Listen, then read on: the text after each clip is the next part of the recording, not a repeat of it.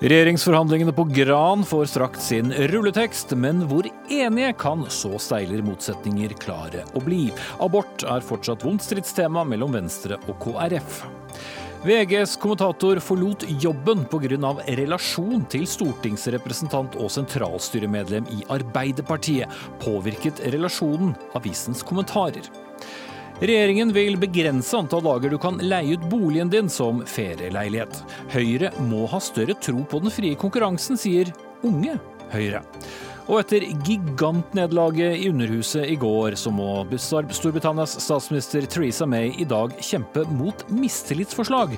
Hvor mange liv har kvinnen egentlig?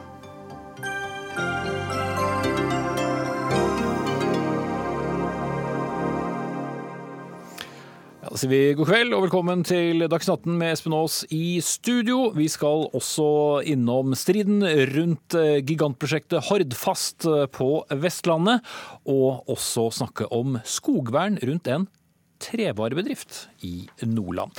Men aller først. I to uker er det blitt jobbet intenst med å få på plass den første firepartiregjeringen i Norge siden Jon Lyngs regjering fra 1963.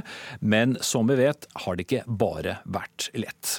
Forhandlingene har pågått mellom Høyre, Fremskrittspartiet, Kristelig Folkeparti og Venstre på Hadeland i Oppland. Venstre og Kristelig Folkeparti har innkalt til landsstyremøter i morgen for å presentere sitt forslag til plattform for en mulig ikke-sosialistisk flertallsregjering. Og um, Cato Husabø Fossen, vår reporter som følger forhandlingene på Gran. Eh, hva vet du mer om veien videre for de fire partiene nå på å komme frem til en felles plattform? Nei, Det er jo noen dager på overtid, men eh, sånn i halv ni-tida i dag tidlig så fikk en kollega av meg bekreftelsen på at eh, i morgen blir det landsstyremøter i alle de fire partiene. Eh, de skal møtes fra klokka to og utover, alle fire på Gardermoen, på to forskjellige hotell der. Og eh, de, eh, Der er det landsstyrene altså som møtes. I, fleste, I Frp er det landsstyret som også tar beslutningen på hvorvidt denne regjeringsplattformen skal godkjennes eller ikke. I de tre andre partiene så gir landsstyret råd før stortingsgruppa fatter et endelig vedtak. Men det vedtaket blir jo det samme som landsstyret sier. Og Alt uh, tyder på at dette kommer til å gå etter planen, og i så fall så kan Erna Solberg eh, ja, det blir skissert tidlig i midten av neste uke, komme til å gå ut på Slottsplassen med den første borgerlige flertallsregjeringa siden uh, Kåre Willochs tid. Men uh, dette har jo ikke vært lett, som jeg var inne på. Hvilke saker vet vi det har vært uh, størst strid rundt? Det er to temaer tema som peker seg veldig ut. og Det ene er innvandrings- og asylfeltet, og det andre er klima. og Gjerne de i kombinasjon. Mye de siste dagene har dreid seg om at partiet Venstre desperat trenger en seier. Eh, etter det vi eh, får opplyst og forstår, så har det lenge ligget an til at Venstre eh, kom til å komme relativt ja, begrensa godt ut av, ut av, disse forhandlingene. Eh, mye har for dem handla om å berge seirene fra Jeløya-forhandlingene, altså når de sjøl gikk inn i regjering i fjor. Og det har vært lite få nye gjennomslag å spore, noe som er dumt når Venstre sjøl har lagd ei kravliste på mange sider med nye gjennomslag de ønsker seg før disse regjeringsforhandlingene. Og derfor så, Dette endte bl.a. med at vi, vi, i NRK publiserte en sak i dag om lørdagskvelden da det skar, holdt på å skjære seg her oppe. Trine Skei Grande tok med seg delegasjonen og gikk fra forhandlingsbordet i en oppheta diskusjon om miljø med Frp. Så, og det Som igjen ble årsaka til at de aldri fikk holdt disse landsstyremøtene på mandag, slik det først var planlagt. Men det siste døgnet nå så må et eller annet ha skjedd, for nå går det mot uh, ei løsning. Mm, ja, Men er det fortsatt mulig at uh, forhandlingsdelegasjonene kan få tommel ned i sine respektive landsstyremøter? Det er jo selvsagt en teoretisk mulighet for det, og det er knytta stor spenning til hvor betydelig motstanden mot dette vil være i spesielt Frp, og uh, selvsagt ikke minst i KrF, som jo er delt omtrent helt på midten i synet på hvorvidt dette er en god idé eller ikke. Og det kan jo bli en, uh, ja, en følelsesmessig sterk dag for KrF sitt landsstyre. Knut Arild Hareide har jo varsla at han skal gå av som partileder i det øyeblikket landsstyret eventuelt vedtar å gå inn i denne Solberg-regjeringa. Så altså, både KrF og Frp er vi jo spent på hvor lenge de blir sittende, og eh, hvor stor altså, ja, hva, Hvis de stemmer, da, hva, hva stemmetallene vil være. Mens både hos Høyre, altså, hos Høyre og Venstre er det forventa at dette vil passere rimelig greit. I alle fall hos Høyre. Ok, Cato Husebø Fossen, du følger forhandlingene videre eh, for oss i eh, NRK. Sondre Hansmark, leder av Unge Venstre, du skal delta på landsstyremøtet deres eh, i morgen. Og til Dagbladet i går så sa du at Unge Venstre vil si nei til plattformen dersom det blir innstramminger for kvinners selvbestemmelse i abortloven. Gjelder det uansett hvilke andre gjennomslag dere måtte ha fått? Ja, Det er et absolutt krav fra vår side. og Det handler om at de endringene som KrF har foreslått i abort abortloven. Hvis vi skulle gått med på det, så ville det vært de største begrensningene på kvinners rett til selvbestemt abort siden man vedtok abortloven. Og jeg mener at Venstre som et liberalt parti som skal stå opp for enkeltpersoners rettigheter, ikke kan sitte i en regjering og gå med på et kompromiss som fører til at kvinner får mindre å si over, eh, over sin egen kropp. Mm. Ja, nå representerer du Unge Venstre, og det er mange delegater på et landsstyremøte. Men ut fra hvordan du kjenner eh, situasjonen i Venstre. Hvor absolutt tror du denne saken er? Jeg tror nok at det blir flertall for å danne en ny regjering med, med, KrF, men for meg er det veldig viktig å vise at uh, for Unge Venstre sin del så kan man ikke forhandle bort abortrettigheter mot andre gjennomslag. Og det handler om at man driver rett og slett ikke og forhandler om kvinners rettigheter selv om KrF skal inn i regjering. Og dette, Denne prosessen kunne jo vært veldig, vært, vært veldig enkel hvis KrF hadde prioritert det som var viktig her i livet, å kutte klimagassutslipp, ta vare på flyktninger og sørge for å redusere barnefattigdommen. Men når KrF nå har prioritert å begrense kvinners rett til å bestemme over sin egen kropp, så er det ingen garanti for at vi stemmer for en ny regjeringsplattform som inkluderer KrF. Mm. Du har nok vært opptatt av andre saker òg. Emma Løvaas Aksjen Pong, du er medlem i sentralstyret i Kristelig Folkepartis uh, Ungdom. Uh, hvorfor er det så viktig at KrF får gjennomslag for endringer i abortloven? Altså Paragraf 2c er viktig for både KrF og KrFU. Det er viktige verdispørsmål, etiske spørsmål. og vi har jo da ment at dette er en diskriminerende paragraf. Eh, ellers er vi også opptatt av spørsmål om tvillingabort, som har blitt eh, gjennomført nå. Eh, bioteknologi. Der er det jo mange saker som kommer fremover, som er viktige for KrF og KrFU. Um, så du hørte hvor ja. viktig Unge Venstre synes dette er. Hvor, hvor, viktig er disse sakene for dere når det gjelder regjeringsdeltakelse? Det er viktige områder, det har det alltid vært. Men selvfølgelig, altså i en nå er det jo en regjeringsplattformsrunde, eh, og da er det jo helheten eh, som vi er nødt til å se på. Vi er nødt til å se på alle sakene som kommer inn. Og Der er det jo Venstre og KrF sammen på f.eks. klima, på asyl- og flyktningpolitikken. Der har vi mye til felles også, som vi begge kjemper for. Så er, er de viktigere enn abortspørsmålet?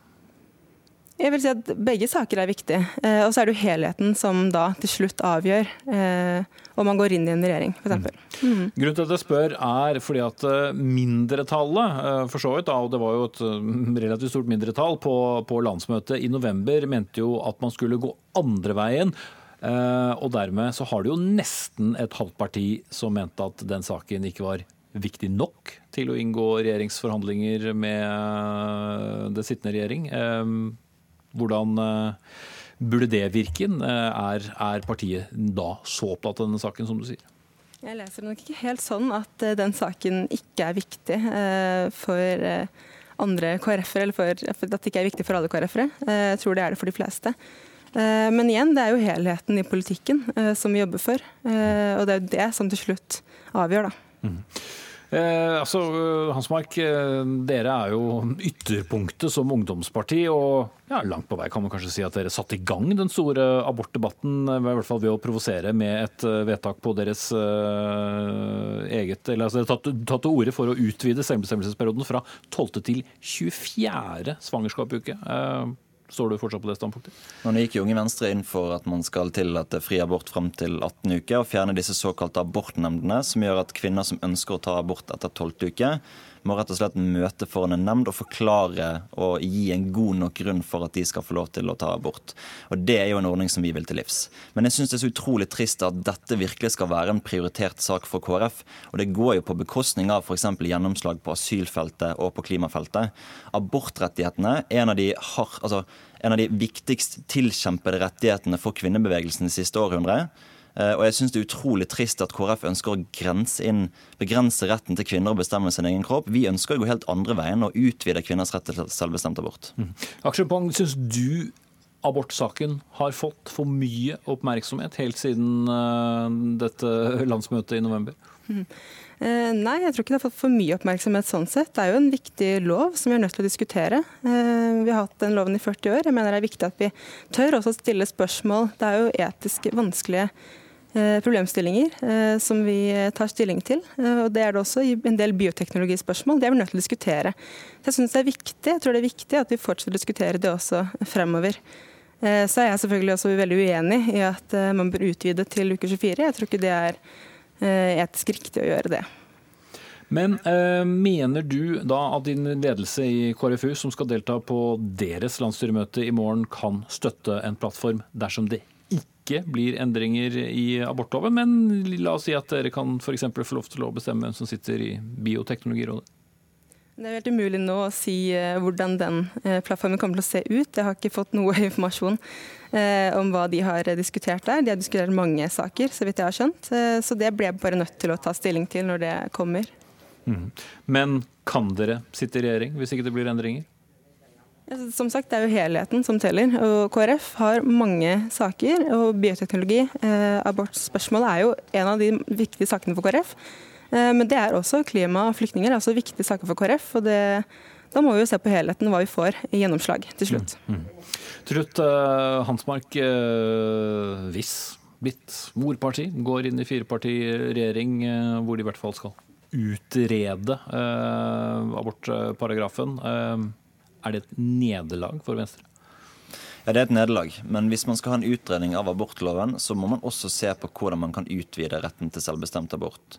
Og hvordan man kan få nemndordningene til å fungere bedre, eventuelt hvordan man kan fjerne de. Vi kan godt ha en gjennomgang av hvordan abortloven fungerer, men det skal ikke være med hensikt å begrense retten til selvbestemt abort. Mm. Takk skal dere ha. Emma Løvaas eh, Aksjenpong, medlem i sentralstyret Kristelig Folkepartis Ungdom, og Sondre Hansmark, leder av Unge Venstre.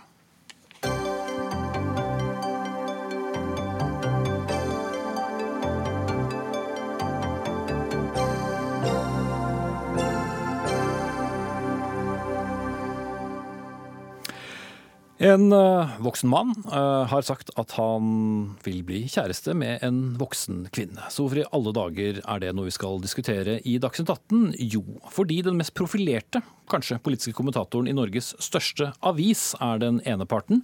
Mangeårig kommentator i VG, Fridtjof Jacobsen, også en hyppig gjest her i Dagsnytt 18, og for ordens skyld også tidligere medarbeider her. Eh, og den andre personen er Arbeiderpartiets Jette Christensen, stortingsrepresentant og medlem av sentralstyret. Fridtjof Jacobsen eh, bekreftet overfor nettstedet Medie24 ettermiddag at de hadde innledet et forhold, og også VG selv skriver at Jacobsen hadde en relasjon som citat, ikke er forenlig med rollen som kommentator i VG. Hvorfor er den ikke det, Hanne Skartveit, politisk redaktør i VG? Som kommentator og journalist så kan du ikke ha skjulte bindinger. Vår viktigste kontrakt er kontrakten med leserne. De skal vite at vi er uavhengige, frie, ikke har bindinger som de ikke vet noe om. Her var det en relasjon som har vært skjult for leserne.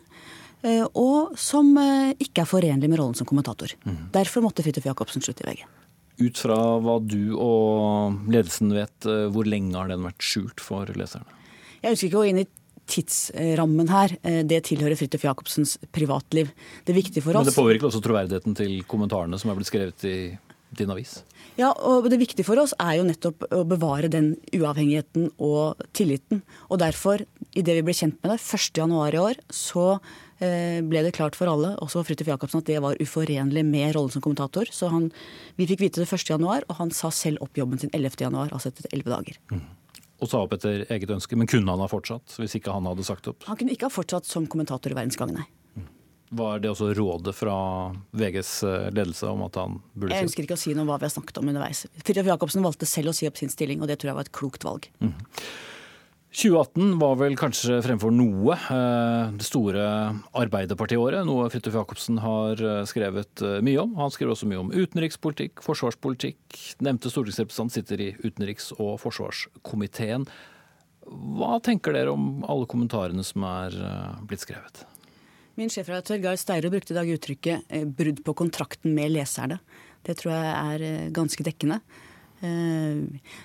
Forskjellen på kommentarer og vanlig journalistikk er at du kan liksom gå tilbake og se hvis noen har uh, hatt noen bindinger. Så kan du se fakta, hvilke fakta er referert. Men meninger skriver jo, analyse skriver jo fra hva vi mener, analyserer og ser.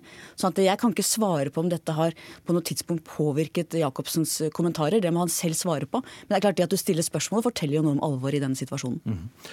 Men går dere gjennom kommentarer som har omhandlet temaer som kan hatt eh, krysninger eh, med, med Jette Christensen, stortingsrepresentanten? Vi har gått gjennom kommentarer. Eh, det har vi gjort. Har dere funnet noen dere har stilt spørsmål Som jeg sa, det er, måte, det er meninger og analyser, og det er umulig å, å Det blir på en måte opp til leserne. Det kan godt hende noen nå leser noen av hans kommentarer i et annet lys enn de gjorde tidligere, det vet jeg ikke, men dette er vanskelig for meg å svare på, rett og slett. Mm. For å stille spørsmålet på en annen måte, har denne saken som nå har blitt en stor offentlig sak i alle norske medier denne ettermiddagen, svekket troverdigheten til VG? Tillit og troverdighet kan man ikke selv definere. Det jeg har lyst til å si er at vi hørte disse ryktene første gang vinteren-våren i fjor. Og idet vi hørte ryktene, så konfronterte vi ledelsen ved to anledninger, både jeg selv og sjefredaktør Gahr Steiro, Fridtjof Jacobsen med disse ryktene. Fikk dem avkreftet. Det var det vi har lagt til grunn hele veien. Mm. Og det er det vi måtte basere oss på, selvfølgelig, for det er et tillitsbasert forhold. Mm. Gjorde dere det noe for å ettergå det, eller var det kun en samtale? Det er jo litt kronglete, for da hadde jo blitt ryktespreder Hvis vi hadde begynt å spørre er det noe i ryktene om osv., da hadde vi spredt ryktene selv. Så vi gjorde det vi mener var nødvendig, og vi mener at vi kunne ikke gjort noe mer. Kan godt hende andre ser annerledes på det, men det er slik vi så det den gangen, og ser det i dag. Mm. Eh, men er tidsaspektet eh, her eh, såpass viktig at dere vil ettergå denne saken ytterligere, uten å forsøke å tidfeste den, selvfølgelig? Fra vår side er saken avsluttet. Han har sagt opp sin stilling. Han er, har hatt sin siste arbeidsdag i VG. Vår jobb nå er å gjenopprette det som eventuelt er tapt av tillit. Og nettopp understreke, viktig for meg å understreke, vi må være uavhengige, vi må være frie. Det er vår viktigste kapital tilliten vår hos leserne. Og det vil jeg gjøre alt jeg kan for å gjenopprette. Mm. Dere to har jobbet uh, tett i årevis. Er, det en, er det en vanskelig sak også for deg? Det har jeg ikke lyst til å svare på. Nei. Eh, grunnen til at uh, hendelsesforløpet selvsagt uh, blir spurt om flere ganger uh, av meg her, er jo nettopp de eventuelle sakene som har dukket opp. Og selv om dere er ferdig med saken, så er det ikke gitt at andre er ferdig med saken, selvfølgelig. Vi snakker om den her i kveld. Andre aviser, og nettaviser skriver om den nå i kveld. Hvordan skal dere forholde dere videre? Vil dere si at vi er ferdig med saken? Nei, vi, jeg sitter jo her. Vi vil måtte svare på alle spørsmål som kommer i tiden framover. Må være så åpne vi bare klarer å være. fortelle det vi kan fortelle. så jeg kommer til å stille, invitere deg med i morgen, så kommer jeg i morgen òg. Gard Steiro skriver eh, også, det er altså din sjef, at det er legitimt å spørre hvordan, en, hvordan Jacobsens relasjon har hatt innvirkning på eh, hans eh, kommentarer.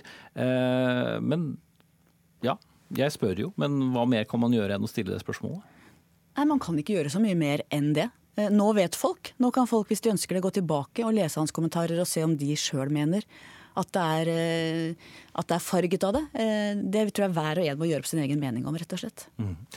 VG er jo en avis som sjelden lar være å skrive om relasjoner mellom kjente personer.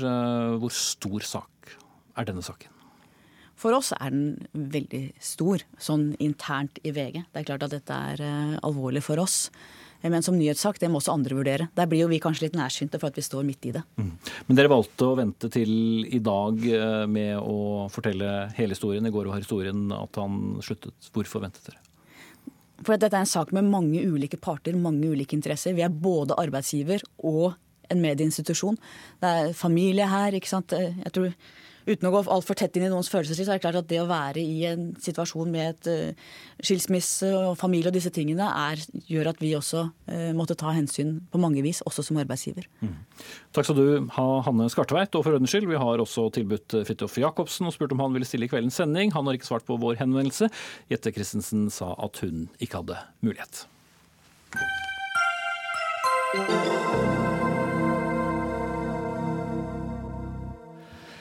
Delingsøkonomien ja, den har gjort det mulig for mange å tjene noen ekstra kroner, bl.a. på å leie ut boligen sin via tjenester som Airbnb. Men gevinsten på den slags kan snart bli betydelig mindre. Vennlig hilsen regjeringen. Den har nemlig lagt frem et forslag som legger restriksjoner hvor, for hvor mye boligeiere kan drive korttidsutleie. Det skal nemlig ikke være lov å leie ut boligen din mer enn 90 dager i året. Og dette forarger blant dere, blant annet dere i Unge Høyre. Ola Svenneby, du er andre nestleder. Eh, hvorfor det? Eh, først og fremst så er det, jeg er litt redd for at vi ser en trend hvor Høyre glemmer litt sin ideologiske ryggrad. Altså Først så, så man det ved, ved Uber, hvor, hvor det, de ikke fikk lov til å drive lenger i Norge. Så så man det med Cutters etterpå, eh, hårklippskjeden, hvor Eh, hvor det var liksom, Høyre var åpne for å forby dem fordi de ikke tilbød hårvask. Og nå er det uh, Airbnb. Og det er egentlig to hovedpoenger med særlig Airbnb som jeg mener bryter veldig med Høyres prinsipper. Og Det første er at Høyre burde være det første partiet som omfavner fri konkurranse. Det forslaget som nå foreligger, det er egentlig kommer først og fremst fra liksom NHO og Virke, som jo er interesseorganisasjoner. Det er ikke nødvendigvis fra den frie konkurransen. Og hvis Høyre ikke tar vare på dem, så er, på den frie konkurransen, så er det heller ikke så mange andre partier som gjør gjør det. Og Det andre argumentet er at det, dette her det handler om eiendomsrett, og at enhver mann skal være herre over egen grunn. Eh, og Da mener jeg også at eh, det burde ikke ha vært en høyreregjering som legger ned et forbud på å leie ut 275 dager i året. Mm. Vel, Mari Holm Lønseth, stortingsrepresentant for uh, Høyre. Regulere folks private bolig og hindre fri konkurranse. Hva skjedde? Nei, Jeg er ikke helt enig i det premisset. Altså, jeg er veldig glad i Airbnb. Det er veldig bra. Det gjør at uh, vi kan spe på litt ekstra inntekter når vi ikke bor i leiligheten vår. Det gjør at man kan Som ta av, folk har kjøpt for sine ja, egne penger og betaler dyre lån? Eh, og det gjør at man også kan eh, ta av toppene for hotellnæringa og bidra til mer turisme i Norge. Det syns jeg er veldig bra. Men det vi diskuterer her, det er jo ikke hus. Det vi diskuterer her, det er blokker, leiligheter i boligsameier, hvor det da også er folk som er tett på. Og når det er så tett på, så er det også rett og rimelig at man har en viss form for regulering av hvem det er som har lov til å være der, hvor ofte. Så er det her snakk om en innskrenking for selveierleiligheter, men det er snakk om en utvidelse for dem som bor i borettslag. Med forslaget fra regjeringa så får også dem som eh, har borettslagsleilighet og brukt millioner kroner på det, også muligheten til å bruke det til Airbnb, noe av det er fullstendig forbud mot i dag. Så dere har gjort det bedre for boligeiere? Ja, jeg mener at det her ivaretar hensynet både til dem som bor i leiligheter. For det er jo ikke til å stikke under en stol at det er noen som har opplevd utfordringer rett og slett med at det blir nærmest hotellvirksomhet i oppgangen. Men trenger har... regjeringen å gå inn og regulere det? I alle sameier og borettslag jeg har tilhørt, så har vi egne styrer?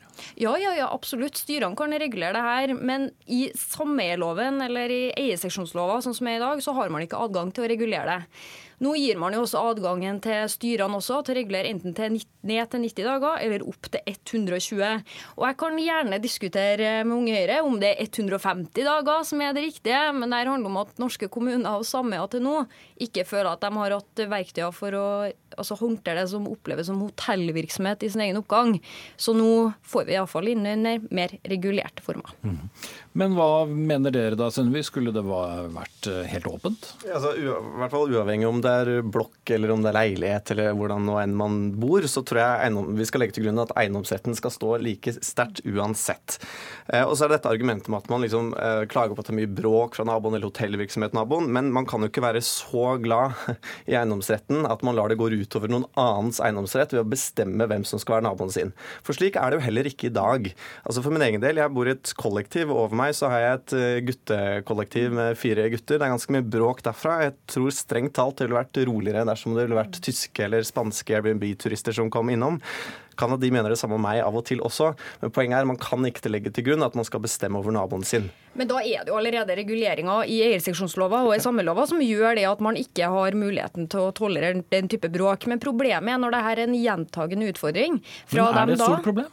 Det er Noen plasser i Norge så er det et stort problem. Oslo og Bergen har tatt opp, og Svalbard har f.eks. tatt opp Problemet på Svalbard er jo rett og slett at det fortrenger de andre som skal bo der, for at hotellkapasiteten er for dårlig. Og Da må man også ha tilstrekkelig med boliger, sånn at folk har muligheten til å bo, ikke bare, ikke bare være turister. Men det her handler om at man har allerede verktøy for å håndtere naboer som støyer mye. Men man har, eh, basert på erfaring f.eks. fra Bergen, sett at man har ikke de samme verktøyene for å håndtere dem her som til stadighet bråker med Airbnb. Så må jeg også si at Airbnb sine egne rapporter viser at en gjennomsnittlig Airbnb-vert leier ut 25 dager i året. Du kan også med regjeringa forslag, som er en ganske mild innskrenking, leie ut 45 av årets 52 uker, eller over hele sommerferien, hvis du ønsker. Så det er fortsatt store muligheter for å bruke det. Airbnb.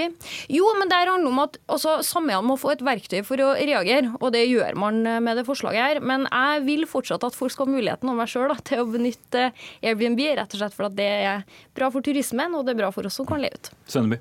Ja, fordi liksom det du sier at, eller det du tenker på som på en måte nesten litt sånn sjenerøst av regjeringen å tilby at, å si at folk kan få lov til å leie ut av egen grunn i 90 dager, tenker jeg først og fremst på et forbud på godt over 250 dager hvor man ikke får lov til å leie ut. Og det reglementet som gjelder for naboer, sånn når det skal være stille, helligdagsfred osv., det vil jo også gjelde for de som leier ut på Airbnb. Og det som er så bra med Airbnb, det er jo nettopp det at man kan um, gi en karakter eller antall stjerner til den man leier av, og til den man til dem å leire av, og de som leier ut, kan, eh, kan gi karakter til, til, til dem. Eh, Og Det vil jo også i seg sjøl være en mekanisme som kan være med på å forhindre ganske mye av dette. Men mitt hovedpoeng er egentlig bare at jeg syns ikke at Høyre skal skryte av at man på en måte har tillatt at folk skal leie ut egen grunn i 90 dager. Utgangspunktet burde i hvert fall være 345, og så kunne man heller gått motsatt vei med en eventuell regulering. Helt ærlig så er jo allerede regelverket i dag sånn at det er jo ikke lov til å drive hotellvirksomhet i en eierseksjonsleilighet. Det betyr at hvis du har lyst til å leie ut leiligheten din 250 dager i året, så vil jeg nok anbefale heller å starte et hotell og drive det på egne vilkår, og ikke gjøre det der det bor folk.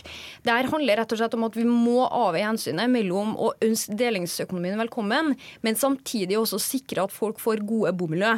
Og jeg synes det er bra at vi heller foreslår en helhetlig regulering, som også da er forutsigbar for kommunene, for dem som har tenkt å leie ut, og for dem som har tenkt å leie. Det gjør vi med det forslaget her. Slik snakker et regjeringsparti, eller slik snakker et parti som er opptatt av delingsøkonomi? Du, Det er nok et eh, regjeringsparti som er opptatt av delingsøkonomi. Det handler om å finne en balanse her. Eh, Delingsøkonomien er OK så lenge den er regulert. Nei, det handler om at den må jo også være inn under ordna former når du havner rett og slett innpå dørkarmen til folk. De fleste av oss eh, opplever ikke noen utfordringer med det her, og de fleste kommer ikke til å oppleve noen utfordringer med å leie ut heller. Men det handler om at man må sørge for at det ikke drives hotellvirksomhet for de menneskene som har kjøpt seg en leilighet til mange millioner kroner, som opplever at bomiljøet deres forringes. Sønneby, hva slags eh, smak har du i munnen av denne saken? Det lukter jo litt sånn eh, styringsparti, regjeringsparti som har sittet et par år, i hvert fall. Eh, Og jeg mener jo fortsatt For at ikke å si fem? ja, jeg mener jo, mener jo fortsatt at, eh, at utgangspunktet må være at det er fritt, og at eiendomsretten skal stå sterkt. Og i alle fall, dersom man hadde kommet dit, da, som man kanskje er på vei på Svalbard, så burde man starte i motsatt ende. For i dag så har man sagt at det er liksom, det skal, du skal bo der du har brukt pengene dine på å investere i bolig, men vi kan tillate deg å utleie det i 90 dager. Da burde man heller sagt at utgangspunktet er 365 dager, men så kan sameie som Ja, helhet få kuttet ned på. Skal vi si det sånn, Unge Høyre, evig tro til døren skiller dere ad. Takk til Mari Holm Lønseth, stortingsrepresentant for Høyre, og Ola Sønneby, andre nestleder i Unge Høyre.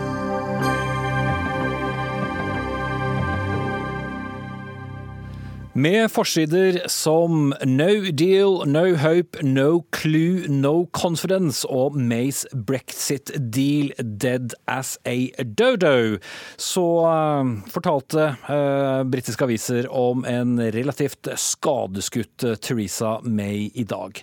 Uten noen godkjent avtale om skilsmisse med EU, og det største nederlaget en britisk statsminister har oppnådd i Underhuset på nærmere 100 år. Og ikke bare det. Jeremy Corbyn spyttet ut et mistillitsforslag mot hennes regjering etterpå i går kveld, og i teorien kan dermed regjeringen hennes gå under i dag. Men eh, Jan Erik Mustad, førstelektor ved Universitetet i Agder, akkurat det er hun kanskje ikke så redd for? Nei, jeg tror ikke hun er så redd for det. For det virker sånn at eh, de konservative parlamentsmedlemmene, 118 i tallet, som stemte mot denne avtalen i går, vil støtte henne i dag. Eh, det vil også eh, regjeringsstøttepartiet, Det demokratiske unionistpartiet fra Nord-Irland. Og dermed så har de da et flertall i Underhuset. Så hvis partiinnpiskerne gjør jobben sin, så skal Teresa May ri denne stormen av. Men hva i alle dager skal da uh, Labours leder Jeremy Corbyn ha å vinne på å stille et uh, mistillitsforslag som uh, han taper? Nei, vi, Det spekuleres jo i om dette bare er et symbolsk mistillitsforslag, fordi at han ønsker å vise eh, motstand eh, mot denne prosessen og mot denne avtalen som regjeringen har brukt to og et halvt år på å forhandle fram. Eh, og Så kommer man da til Underhuset med en såpass dårlig avtale som, som vi så eh, parlamentsmedlem reagerte på med, med, denne motstanden i går. Eh, så kan jo dette være begynnelsen på flere mistillitsforslag. Eh, så dette her kan jo bygge seg opp mot at eh, vi ser senere mistillitsforslag også komme. Men dette er nok først og fremst for å posisjonere seg, eh, for å vise seg, også for sine egne. For Labour er like splitta i dette spørsmålet som det konservative partiet er. Så det er ikke noe fred og harmoni i Labour-rekkene heller. Nei, 71 av Corbyns uh, parlamentsmedlemmer har jo i dag bedt om at partiet forplikter seg til en ny folkeavstemning, mens Corbyn jo har lovet å respektere folkeavstemningen fra 2016. Hvordan hvordan skal de komme seg rundt dette? Ja, altså, Corbyn vet vi jo er ambivalent til dette, her, fordi at hans parlamentarikere krever at han som Labour-leder eh, er en remainer, altså en som vil forbli i EU. Men Corbyn personlig er jo for brexit. Det så vi jo i valgkampen i 2016 da du var i London, at eh, han ikke gjorde en særlig god innsats for å prøve å få sine hjertekjernevelgere til å stemme for å forbli i EU. Eh, og Dermed så eh, har dette her være egentlig ridd Corbyn som en mare gjennom disse to og et halvt årene fram til i dag. At han egentlig ikke har forplikta seg til noe. Han har sittet på gjerdet. Han, han, sier han vil ha et nyvalg, og så sier han at han gjerne kan støtte en ny folkeavstemning hvis flertallet av Labour-medlemmene ønsker det. Eh, og så kommer han med et mistillitsforslag som han har vifta med i parlamentet opptil flere ganger. Nå la han det på bordet i går, men ser altså ut til å tape denne voteringen i kveld. Så Labour ligger jo også bak de konservative på de siste meningsmålingene, hvis det da skulle bli et nyvalg akkurat nå. Så situasjonen er ikke spesielt lys for Corbyn og Labour heller. Nei. Eh, Theresa May har jo etter hvert vist seg å ha flere liv enn katten, men selv om hun også overlever mistillitserklæringer, kjeft og valgnederlag, ja, så er hun jo egentlig like langt. For hun har jo ikke noe veikart for eh, skilsmissen med EU likevel. Men kan hun nå komme styrket videre, hvis hun da mest sannsynlig kommer seg gjennom også denne kvelden? Det virker som det bare taper i det britiske parlamentet akkurat for øyeblikket. Eh, så eh, et nytt valg, en ny folkeavstemning, eh, en ny plan B, hvis hun i det hele tatt har en plan B som hun må presentere for parlamentet innen mandag, er ikke nødvendigvis noe mer oppklarende og gir noe mer klare alternativer enn det vi allerede har diskutert. Så hvis hun vinner mistilliten i kveld, så er jo, er jo på en måte parodien der at hun taper en avstemning eh, på den måten hun gjorde i går, og kvelden etter overlever et mistillitsforslag. Teresa May er en pliktpolitiker. Hun ønsker å gjennomføre brexit etter den demokratiske folkeavstemningen i 2016. Eh, hun er overbevist om at britene skal ut 29.3 i år, eh, med eller uten en avtale. Fortrinnsvis med en avtale. Derfor har hun kjempa med nebb og klør for å få gjennom denne avtalen, som er den eneste avtalen som eksisterer. Så Derfor så har hun denne pliktfølelsen hengende over seg, og, og tar kanskje ikke disse personlige nederlagene så tungt, fordi at hun tjener folket. Og den jobben hun har å gjøre, ja, det er å få Storbritannia ut av EU på best mulig måte. Mm. Og så Gjennom hele denne prosessen så har det jo vært en ganske høylytt gruppe, både innad i hennes egen regjering og innad i hennes eget parti, som ikke vil for noen hver pris ha noen tilknytning til EU. Men er de så sterke nå som de har vært? Nei, de er jo blitt mer og mer marginaliserte. For de har jo ikke kommet med noe kredibel alternativ plan eh, for hva de ønsker. Og Det sier jo EU også hele tida. Michel Barnier har sagt det, Tøsk Tusk har sagt det, eh, og gang på gang gjentatt at vi skjønner at Storbritannia er imot det meste, men hva er de egentlig for? Så nå har jo flere blitt intervjua på Sky og BBC i dag og sagt at det eneste mulige Eh, den eneste mulige løsningen her det er å gå tilbake til EU og få flere innrømmelser. Og De tror rett og slett ikke på at EU ikke har flere innrømmelser å komme med. De mener at det er en forhandlingssituasjon. Jacob Rees-Mogg i European Research Group sa klart og tydelig i dag morges at selvfølgelig har EU mer å gå på. Dette handler om at regjeringen her i Storbritannia må legge press på EU, sånn at vi kan få fjerna denne backstoppen, denne reserveløsningen som det har vært så mye snakk om i de siste ukene. Men eh, EU sier jo da nei, vi har ikke mer å gå på. Og der eh, står jo partene, og sånn går an. Rett over klokken åtte norsk tid i dag så vil eh, Underhusets ordstyrer rope ut hvorvidt det var eh, The Eyes eller Nose som vant i denne, dette mistillitsforslaget, og følgelig også beseilingen av Theresa Mays fremtid. Takk skal du ha, Jan Erik Mustad.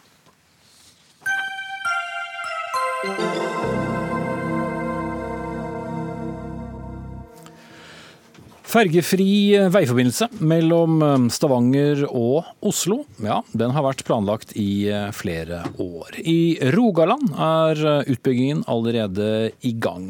Hordfast, også kjent som Norges dyreste planlagte broprosjekt, som også gjelder Hordaland fylke, er beregnet til å koste 40 milliarder kroner. Dersom pengene blir bevilget, så blir det oppstart i 2024. Og Arne Nævra, samferdselspolitisk talsperson for SV, du kaller Hordfast-prosjektet for galskap. Hvor er galskapen?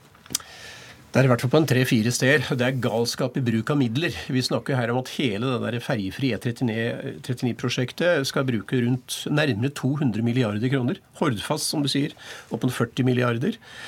Og så har det miljøpolitisk eh, galskap. Det er jo også helt vesentlig.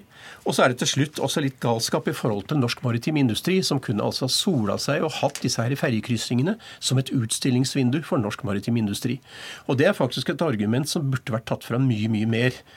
Og da har jeg ikke nevnt de mindre poengene, som faktisk også kan være viktig. Det er um, turisme. Og det er jo selvfølgelig også dette her at um, folk setter mye mer pris på å reise over vannet enn under vannet. Eller uh, kanskje så er det et annet poeng til slutt for um, sidemannen her, for Fremskrittspartiet. Hvor mye, hvor mye, bompenger skal de betale på disse her veiene? Mm. Må ikke ta alle poengene mine. Helge André Njåstad, finanspolitisk talsmann, som det heter i ditt uh, parti Frp. Rydde opp i, i galskapen. Er det, er, det, er det, god bruk av skattebetalernes uh, penger, alle disse milliardene? Ja, hvis det er noe som er god bruk, så er det jo å bygge veier på Vestlandet for å få varene ut i verden og for å få folk til å kunne bevege seg og bo og arbeide der de vil. Så dette, Jeg forstår jo at, at SV er opptatt av tog på Østlandet og, og, der folk bor her, men hvis man virkelig skal få til noe i Norge og få en motvekt til Oslo, så er det jo å bygge E39 langs Vestlandet, som virkelig vil gi en stor ny dimensjon. Eh, men det er jo hyggelig at SV er så tydelig og sier at de er imot det, for da har velgerne tydelige alternativer å velge hvis de vil at det skal bygges vei. at eh, bedriftene skal kunne få varene sine eksportert ut. Eh, og Det går ikke an å tenke på at turister skal sitte på ei ferje. De som bruker ferje til daglig, eh, syns ikke det er noe særlig gøy. De har lyst til at veien skal være døgnåpen, og at de skal få levert varene sine ut. Så dette er god bruk av penger å investere i infrastruktur. Ja, De som uh, har et grunnfag i dialekter, gjetter jo hvor i landet du kommer fra, Njåstad. Men hvor mange er det som skal nyte godt av denne svært dyre ferjefrie forbindelser? Det er jo veldig mange, da. Eh, det bor jo ekstremt med folk på Vestlandet. Tar man fylkene fra eh, Kristiansand til Trondheim, der E39 går ifra, eh, så er det jo der den mesteparten av verdiskapningen i Norge skjer. Eksporten skjer ut ifra der. Så, Men skal alle bevege seg over den veiforbindelsen? Ja, de fleste har, har, jo behov for å levere varer nord-sør. Man trenger jo ikke å ta alt innom Oslo. Det går jo faktisk an å eksportere ting langs kysten òg, og ikke alt skal ikke via Oslo. Eh, Så det er mange som vil eh, ha direkte nytte. Men den store effekten får du av at eh, Bergen og Stavanger blir landfast med hverandre og blir ett arbeids- og bomarked. Og det er først da at du oppnår en klyngeeffekt som vil være bra for næringslivet, bra for landet. Og da bør vi heller snakke om hva kan det gi oss av inntekter fordi at man får mer verdiskapning, enn at man ser på dette som å bruke penger. Apropos verdier, en del av finansieringen skal jo baseres på en gammel slager i norsk politikk, nemlig bompenger. Ikke så rent lite heller. Nei, men Ikke så mye heller, det, og langt mindre enn det som var vanlig under forrige regjering. Men så må vi huske på at vi erstatter faktisk ei ferje som koster penger i dag, og ville koste penger i all evighet, med bompenger i en tidsavgrensa periode. Eh, Og vi som bor på Vestlandet, syns faktisk det er bedre å betale bompenger i 15 år eh, kontra å betale ferjebilletten i all evighet. Eh, Og dette vil være et lønnsomt prosjekt som vil bli nedbetalt raskt, og da vil det være gratis, sånn som det bør være. Geir Amo, administrerende direktør i Norges Lastebileierforbund. Eh, I motsetning til både samferdselsministeren fra Frp og våre talsmann her, så, så er de uenig i at dette er et godt prosjekt? Jeg er uenig i prioriteringa. Jeg er aldeles ikke uenig i pengebruken, for vi trenger å bruke mange milliarder på å bygge vei i dette landet. Det vil jeg tro Men- lastebileiere Ja, definitivt. Men den prioriteringa man her legger opp til, å bruke 200 milliarder på fergekrysnings- eller fjordkrysningsprosjekter, delvis i form av farlige undersjøiske tunneler, i stedet for å bruke de 100 milliardene som vi trenger på å ta til vedlikeholdsetterslepet på riks- og fylkesveier, i stedet for å bruke de 50-40-50 milliardene vi trenger for å få bygga ny E16 fra Bergen til Gudvangen, E16 som de siste 20 åra er 800 mennesker som har blitt hardt skadd på, og som har vært stengt pga. ras mer enn 200 ganger, og som det er nesten 50 mennesker som har mista livet på, og som han ennå ikke har greid å prioritere fram. Vi har så mange veistrekninger i mellom fjordene på Vestlandet som trenger gul midtstripe, som trenger en trygg og sikker vei. Og det Og det bør de bruke pengene på. Og så kan vi utsette disse dyre, vanvittige fjordkrysningsprosjektene i form av bruer og tunneler en generasjon eller to, inntil vi har bygd veien mellom fjordene, inntil vi har bygd ny E16 og en rekke andre prosjekter som vi trenger å bruke penger på. La meg nå vende meg til eh, Marit Warnke. Du er administrerende direktør i Bergens, eh, Bergen næringsråd. Du har tidligere uttalt at Norge trenger eh, Hordfast. Hvorfor gjør vi det? Det gjør jeg fordi at eh, altså vi snakker om den største verdiskapningsregionen vi har eh, i Norge, og aksen Stavanger-Bergen. Og Her bor der en million mennesker i dag i, i dette området. Og Hvis du ser reisetiden mellom Stavanger og Bergen i forhold til reisetiden mellom Oslo og Lillehammer, som er nøyaktig samme strekningen, så er det altså dobbelt så dyrt. Og det er tar dobbelt så lang tid. Og det er noe med Vi hører ikke noe i denne diskusjonen på prioriteringen på f.eks. å bygge intercity i Oslo-området. Vi vet Det er gjort forsøk her. ja, ja, det er et forsøk, men, men eh, altså, jeg ser det sånn det at Men, Men- ressursbruken mennesker, men bare, altså, mennesker de trekkes til eh, byene. De trekkes til der det er et mangfold av arbeidsplasser, der det er et mangfold av utviklingsmuligheter. Aksen Stavanger-Bergen er det eneste området i Norge som kan være en motvekt og en avlastning faktisk for Oslo-området. Og vi trenger òg å kunne trekke til oss de beste menneskene òg i fremtiden, hvis vi fortsatt skal kunne være en verdiskapningsmotor for hele Norge. Så det handler om Vestlandet mot Østlandet her? eller? Nei, det er ov- overhodet ikke imot. Det er, vi snakker om en avlastning, og vi snakker om å være også et alternativ. Og det er noe med at det er tross alt her naturressursene ligger. Det er her vi har verdensledende eh, miljøer innenfor energi og shipping og sjømat. Det høres nesten ut som turistsjef og ikke eh, næringsråd. ja, men altså, Det er i hvert fall én ting jeg hører SV sier, det er at vi skal liksom eh, altså Vi kan jo ikke leve av å være et utstillingsvindu.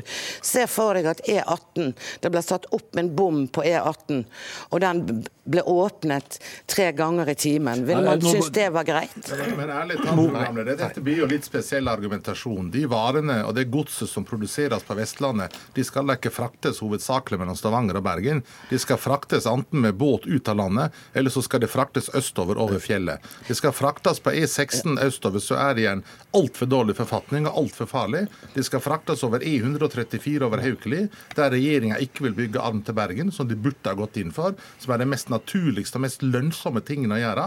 Det er en full utbygging av E134 over Haukeli med arm til Bergen. Det hadde gjort noe for næringslivet. Og ikke minst på Nordvestlandet, akkurat den samme situasjonen. Man trenger ny vei over Strynefjellet, man trenger å få E39 med gul midtstripe og skikkelig bredde, og man trenger veien gjennom Romsdalen. Der er det en bruk for masse milliarder, Men- som er mye viktigere enn flere undersjøiske tunneler. Jeg vil bare innom eh, Njåstad, fordi jeg vil tro at når du reiser rundt og snakker med velgere som eh, representant for, for Hordaland, så har vel du hørt om noen disse veistrekningene? Jo da, jeg har lest om de i Nasjonal transportplan òg. Bergen-Voss ligger jo inne i vår eh, Nasjonal transportplan. Men nå eh, lister Geir Mo opp mange øst-vest-forbindelser, og så er han imot alt på nord-sør som går på å erstatte ferje med bru. Eh, Vi trenger ikke å, eh, å ha veldig mange øst-vest-forbindelser når, eh, når egentlig dynamikken ligger i å lage arbeidsmarked på, på Vestlandet med å knytte byene sammen. Og eksporten skal jo ut til Europa, og da det handler det om å finne en ferjeavgang i Bergen, Stavanger, Kristiansand som skal sørover. Og da må vi ha en god nord-sør-forbindelse så vi kan få varene ut. Det er der poenget ligger, at vi må få på plass den, den forbindelsen. Eh, Og vi kan ikke bruke tid på å diskutere trasé og diskutere prioriteringer. Nå må vi realisere den NTP-en som er vedtatt, der E39 ligger inne, der Hordfast ligger inne. Skal vi begynne å omprioritere nå, så vet vi at pengene havner ikke på andre ting på Vestlandet, men de havner helt andre plasser. Så nå må vi holde fast med den strategien som vi skal ha, nemlig å bygge Hordfast. Eh, Arne Nævra, det var vel rød-grønne regjering som satte i gang dette? Er, er det ikke, De er det ikke ja, de satte i gang og begynte å lukte på dette her. Og så har det jo skjedd noe siden 2013, for å si det mildt. Altså Det er kommet en teknologi her nå som puster oss i nakken. Det vil si at det kommer nullutslippsferjer. Det kommer ny teknologi. De går stille. De kan til og med gå antagelig selvstyrte etter hvert. Så hvis vi ikke tar inn over oss dette her, så er det helt utrolig. Da er det nesten sånn at Fremskrittspartiet blir eh, musealt her. Men det er et poeng jeg har lyst til å si her, og det er at eh, jeg syns nesten det tenner til å være uredelig at du setter, sånn som du gjør, som tidligere samferdselsministre har gjort, Solvik-Olsen og nå også Dale, og nå også Fremskrittspartiets kollega her, sier at eh, Altså, Vi vil ha intercity på Østlandet. altså setter Østlandet opp mot Vestlandet. Jeg sier at ok, det er greit, jeg er et togparti, men jeg, vil jo, jeg er også et veiparti for distriktene. Jeg følger jo Lastebileierforbundet. Jeg vil oppruste veiene mellom ferjene. Jeg vil rassikre, jeg vil ha midtdeler osv. Det er der problemet ligger. Dere kutter jo i deres NTP på veier på Vestlandet nord-sør. Overhodet ikke med, eller med rassikring øh, og få øh, midtstriper, øh, få sikre veier. Det er det som er hele poenget. Det ligger ikke inne penger til E39 i deres alternative opplegg. Vi har lagt inn øh, flere strekninger. altså Det er masse penger vi har lagt på. 500-600 millioner, tror jeg, bare i rassikring og Det går til det går ikke eh, ras akkurat den strekningen. strekningen. la, oss de, la, la de strekningene være. Ma Marit eh, jeg, nei, altså, jeg setter overhodet ikke opp eh, eh, Hordfast mot intercity eh, rundt Oslo. fordi at Men- jeg men hva med de andre veiene som hun snakker om, Men da? Hvis jeg får snakke ferdig. Det, jeg mener det er helt nødvendig å bygge intercity rundt Oslo. Det er to store nasjonale prosjekter som er forankret i Stortinget, både i denne regjeringen og i forrige regjering. og Det er intercity i Oslo, og det er faktisk å bygge eh, Rogfast og Hordfast. Eh, Så, så, så dette her, her er jo- er det jo ikke bare denne regjeringen, det er òg forrige regjering. Og det å begynne nå å sette opp absolutt alle andre prosjekter opp mot det Og til dette det er her med varer, og dette her med varer, det er noe sånn at Vestlandet òg, hele Norge, hele kysten i Norge, har selvfølgelig vært opptatt av hvordan man skal få best mulig forbindelse mot Oslo. Og den er viktig, og det er vi helt enig i. Men vi har ikke vært like opptatt av å binde oss selv sammen. Og det, altså det er det jeg snakker om, dette her med å bygge sterke regioner der du, du blir mangfoldig nok, stor nok til at òg folk ønsker i fremtiden å Og bo jobbe og byggingen bo her. sammen av Hordaland og, og Rogaland, den er så viktig. Det er jo langt viktigere det enn hvor fylkesgrensene går, f.eks. Altså, da har vi et bo- og arbeidsmarked som blir stor nok til å være attraktiv nok i fremtiden til å skaffe oss den kompetansen til å fortsatt ha verdensledende miljøer som blir trukket frem her. Innenfor eh, bl.a. utslippsfrie ferger. Og nå er det jo en gang sånn at det kommer utslippsfrie biler. Og allerede fra 2026 så skal jo ingen nye kjøretøy De skal kanskje ikke betale så mye bompenger over den samme broen heller? det- Altså, Dette er et fergeavløsningsprosjekt. Faktisk er det sånn at det blir ikke så veldig mye høyere kostnad eh, for, for den, altså det man skal betale i bompenger, enn det man faktisk betaler i dag med på sa. Fergene. vil bare På en fergene og Geir eh, bompenger. Mo veldig kort ja. til slutt. Eh, Tidligere generalsekretær i Fremskrittspartiet, og så er du, du og SV nærmere hverandre enn eh, Nei, det er vi nok ikke. fordi at Vi og SV skiller lag på mange punkter, og det er mange år siden jeg var generalsekretær i Frp. Denne regjeringa fortjener skryt fordi de bruker mye penger på, på å bygge vei, men de prioriterer feil. Og Dette handler ikke bare om Hordfast, det handler om hele Vestlandet. Og Vi mangler altså i 2029, hvis det ikke noe skjer, så mangler vi 100 milliarder kroner for å vedlikeholde fylkesveiene våre. Det er på fylkesveiene, i tillegg til disse riksveiene, der eh, godstransporten skal fram, der unger skal kjøres til og fra skole, og der folk kjører til og fra jobb. Det neglisjerer vi. Det og en rekke andre veiprosjekter som trenges å fremskyndes fordi vi skal bygge dyre og unødvendige fjordkrysninger. Ferger er ikke et hinder Hvis du trodde det var mye dramatikk i broen på fjernsyn, prøv Hordfast. Takk skal dere ha, Helge André Njåstad, Marit eh, Warnke, Geir Amo og Arne Nævra.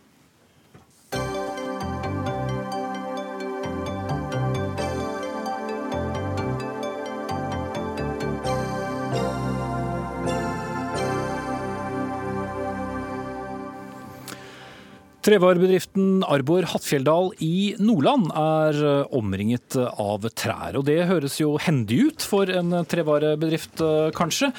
Det er bare det at de trærne får de ikke røre, grunnet hensynet til skogvern. En tidel av norsk skog skal nemlig vernes, det har Stortinget bestemt. Mangelen på tømmer betyr at trevarebedriften dermed må kjøre langt for å hente tømmeret.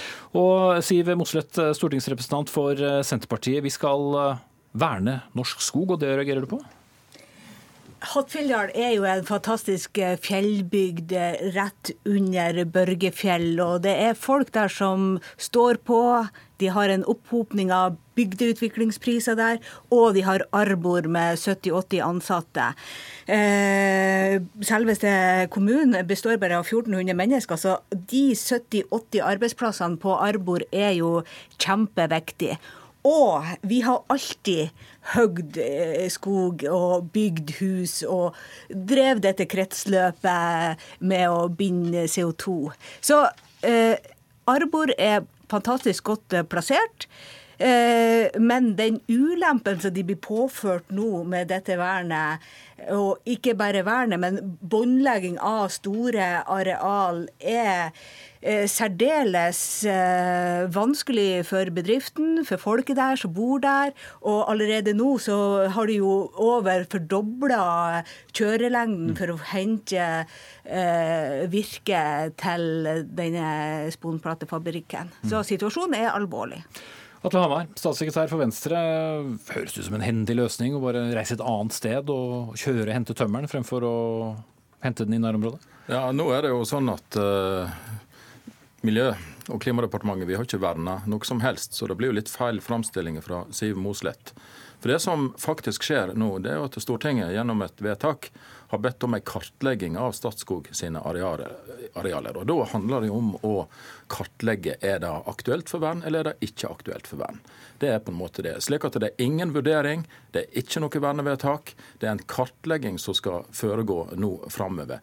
Og jeg er helt enig med Siv Mossleth. Hattfjelldal, eh, flott område. Arbor, god bedrift eh, som driver. Og da er det jo sånn at når Klima- og miljødepartementet fatter disse vedtakene, så er det jo slik at ja vi skal Men er frykten helt ubegrunnet? Frykt, frykten er i alle fall nå helt ubegrunnet, for det er ingen sak i departementet at vi skal verne eh, skog i Hattfjelldal. Det er en kartlegging som er en oppfølging av et flertallsvedtak i Stortinget som alle stemte for, unntatt Senterpartiet. Slik at det er jo det en regjering må vi må følge opp Stortingets vilje. Og vedtaket det er det vi gjør nå, og da er det en kartlegging. Det er ikke et vernevedtak eller en vurdering. Sånn er saken står. Eh, Denne kartlegginga båndlegger skog, sånn at den ikke kan brukes. Og Hvordan da? Ja, de får jo ikke hogg der det er båndlagt for kartlegging. Og situasjonen er jo faktisk sånn at eh, når eh, denne eh, rapporten om evaluering av norsk skogvern kom i 2016, så var det slått fast da at Nord-Norge, Nordland, er de som har allerede verna mest skog. Eh, kommunene Grane, Vefsn, Hattfjelldal har verna ikke 10% men de har verna 30 av arealet. Men det er ikke noe grunn til bekymring, sier Hamar.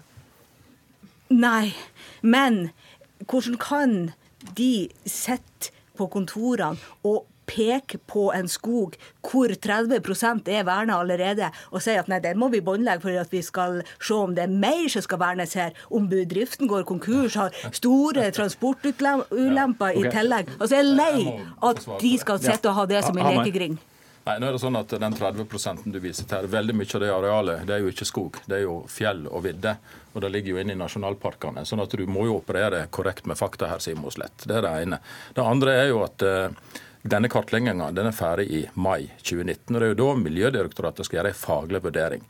Og så sier jeg, som jeg har sagt, i tillegg til at vi skal vurdere vern av skog, så blir det òg vurdert samfunnsmessige hensyn, og det blir vurdert hensyn til næringsliv, altså i denne sammenheng Arbor Hattfjelldal som bedrift.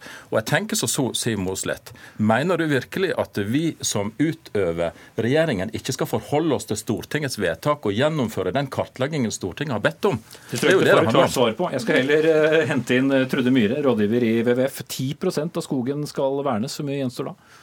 Vi har til nå bare verna 3,5% av den produktive skogen i Norge, så vi er veldig langt unna vernemålet. Og med de budsjettene vi har nå, så kommer det til å ta oss 30 år å nå 10% Og det er samtidig som eh, vi tvinger fattige regnskogsland i andre deler av verden til å verne opptil 30% av sin skog innen 2020 for at de skal få penger fra oss. Så jeg bra at regjeringen er i gang, da, eller? Veldig bra at vi endelig får fart på Statskogvern i Norge, for det har vi venta på veldig lenge. Nå ble det verna noen områder i fjor, og det er veldig bra. Og vi ønsker oss mer vern eh, på statsgrunn i Norge, for vi har ennå flere områder på statsskog Statskog i Norge som vi trenger vern av for å nå de 10% De private skogeierne har vært kjempeflinke til å verne skog frivillig, og nå er det på høy tid at staten eh, bidrar med sin egen skog til vern. Mm. Men hvor strengt skal dette være, da? Det kan jo gå utover viktige hjørnestensbedrifter, dette.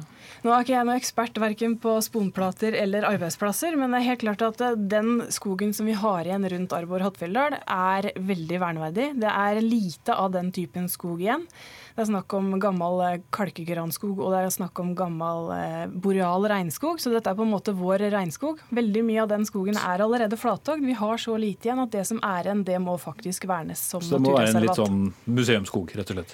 Ja, den må få lov å stå til fri utfoldelse for seg sjøl og for de artene som er funnet der. Og i dette området, fordi det er så spesiell skog, så er det også funnet sjeldne og trua arter, og nye arter for Norge og nye arter for vitenskapen. Så her er det på en måte det akkurat det samme som skjer som skjer i tropene. Vi på en måte hogger og ødelegger okay. skog raskere enn det forskerne klarer å finne ut av hva som Morsomt. faktisk lever der. Ja, det er fantastisk å høre på.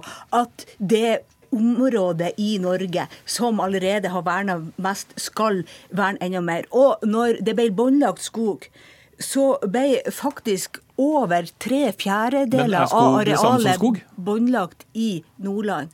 Nei, men denne skogen som det snakkes om, er en kulturskog. Det har vært høgd i området i eh, generasjoner. Det har vært snauhogg der eh, eh, engelskbruket drev jo eh, hard høgging der tidligere. Så å snakke om at dette er en urskog eller en eh, uberørt skog Det er en skog som har vært brukt. Det er en skog som skal brukes. Og Ja, Atle Hamar, du sitter litt mellom skal jeg ikke noe ved den her, unnskyld uttrykket. Eh, Men eh, hva med de forholdene som WWF eh, nevner her? Altså, Hvor mye skal de virke inn når dere gjør deres vurderinger nå om kort tid? Altså, bare for å ta fakta også der, da. Vi verner skog for en halv milliard kroner i året. og Det er en ordning som i stor grad går ut til private skogeiere, som er populær òg i skogeierlaget. og Da det blir gjennomført skikkelige takster i privateid skog. Så det fungerer godt, og mener vi har god framdrift der i forhold til det som Trude Myhre tar opp. Når det gjelder arealet som blir kartlagt nå, eh, så utgjør altså det vi snakker om eh, her i eh, i, som blir kartlagt i, i, dette området vi snakker om her, det utgjør 0,6% av all skog i fylket. Så det er jo ikke mye areal som blir kartlagt. Men jeg kommer tilbake til det spørsmålet jeg stilte deg. Mener du virkelig at departementet ikke skal følge opp Stortingets vedtak og vilje om å kartlegge disse arealene? Svar kort på det, da, Morsleth, og så skal du få svare på det med hva slags type skog det er etterpå. Dersom de båndlegges, så må jo den bedriften få stor kompensasjon. De må jo kjøre mye lenger nå for å få Men det var ikke det han spurte om. Han mener at de om eh, de Skal man ikke følge stortingsvedtaket? Ja, men hvorfor skal han verne skogen som er nærmest mulig den en av de viktigste og eneste eh, trevarebedriftene vi har i Skogen er jo ikke verna. Det er ikke foretatt en eneste vurdering av vern. Det blir foretatt en kartlegging slik Stortinget har bedt om. Og det må du skjønne at det er forskjell på å kartlegge et areal og verne et areal. Det Men nå sitter du med veldig to motstridende interesser på hver din side. En som ikke vil da at det skal vernes, og så en som mener at denne her bør vernes. Men hvem eh, får mest svar når vi roper skogen her, da? Nei, det kan ikke jeg si noe om, for det er ingen beslutninger, ingen vurdering som er tatt. Og det er ikke gitt at det- det blir verna skog i det hele i dette området. Det er jo det som ligger til grunn for en kartlegging. Vi følger jo opp det Stortinget har bedt om. Vi kartlegger dette arealet. Men alderen på skogen, kan det f.eks. være en faktor som virker inn? Altså Det vi skal vurdere i forhold til skogvern, det er jo nettopp eh, alder på skog, gammel skog. Det er biologisk eh, mangfold, det er artsmangfold. Det blir jo lagt til grunn i alle saker omkring vern som vi, som vi har. Og så vekter vi jo selvsagt samfunnsinteresse og næringsinteresse. Og Siv Mossleth har vel fått med seg at Miljødirektoratet i går nettopp tok hensyn til en annen bedrift i regionen, Brønnøy Kalk, i forhold til at du tok eh, og avgrensa litt av vernearealet nettopp i forhold til Ingen, vi får ikke tid til noen treenighet her nå. Eh, Siv Mossleth, Atle Hamar og Trude Myhre. Nei. Den Denne sendingen er nemlig over. Fredrik Lauritzen var ansvarlig for den. Finn Lie hadde det tekniske ansvaret. Og her i studio satt Espen Aas. Vi ses i morgen.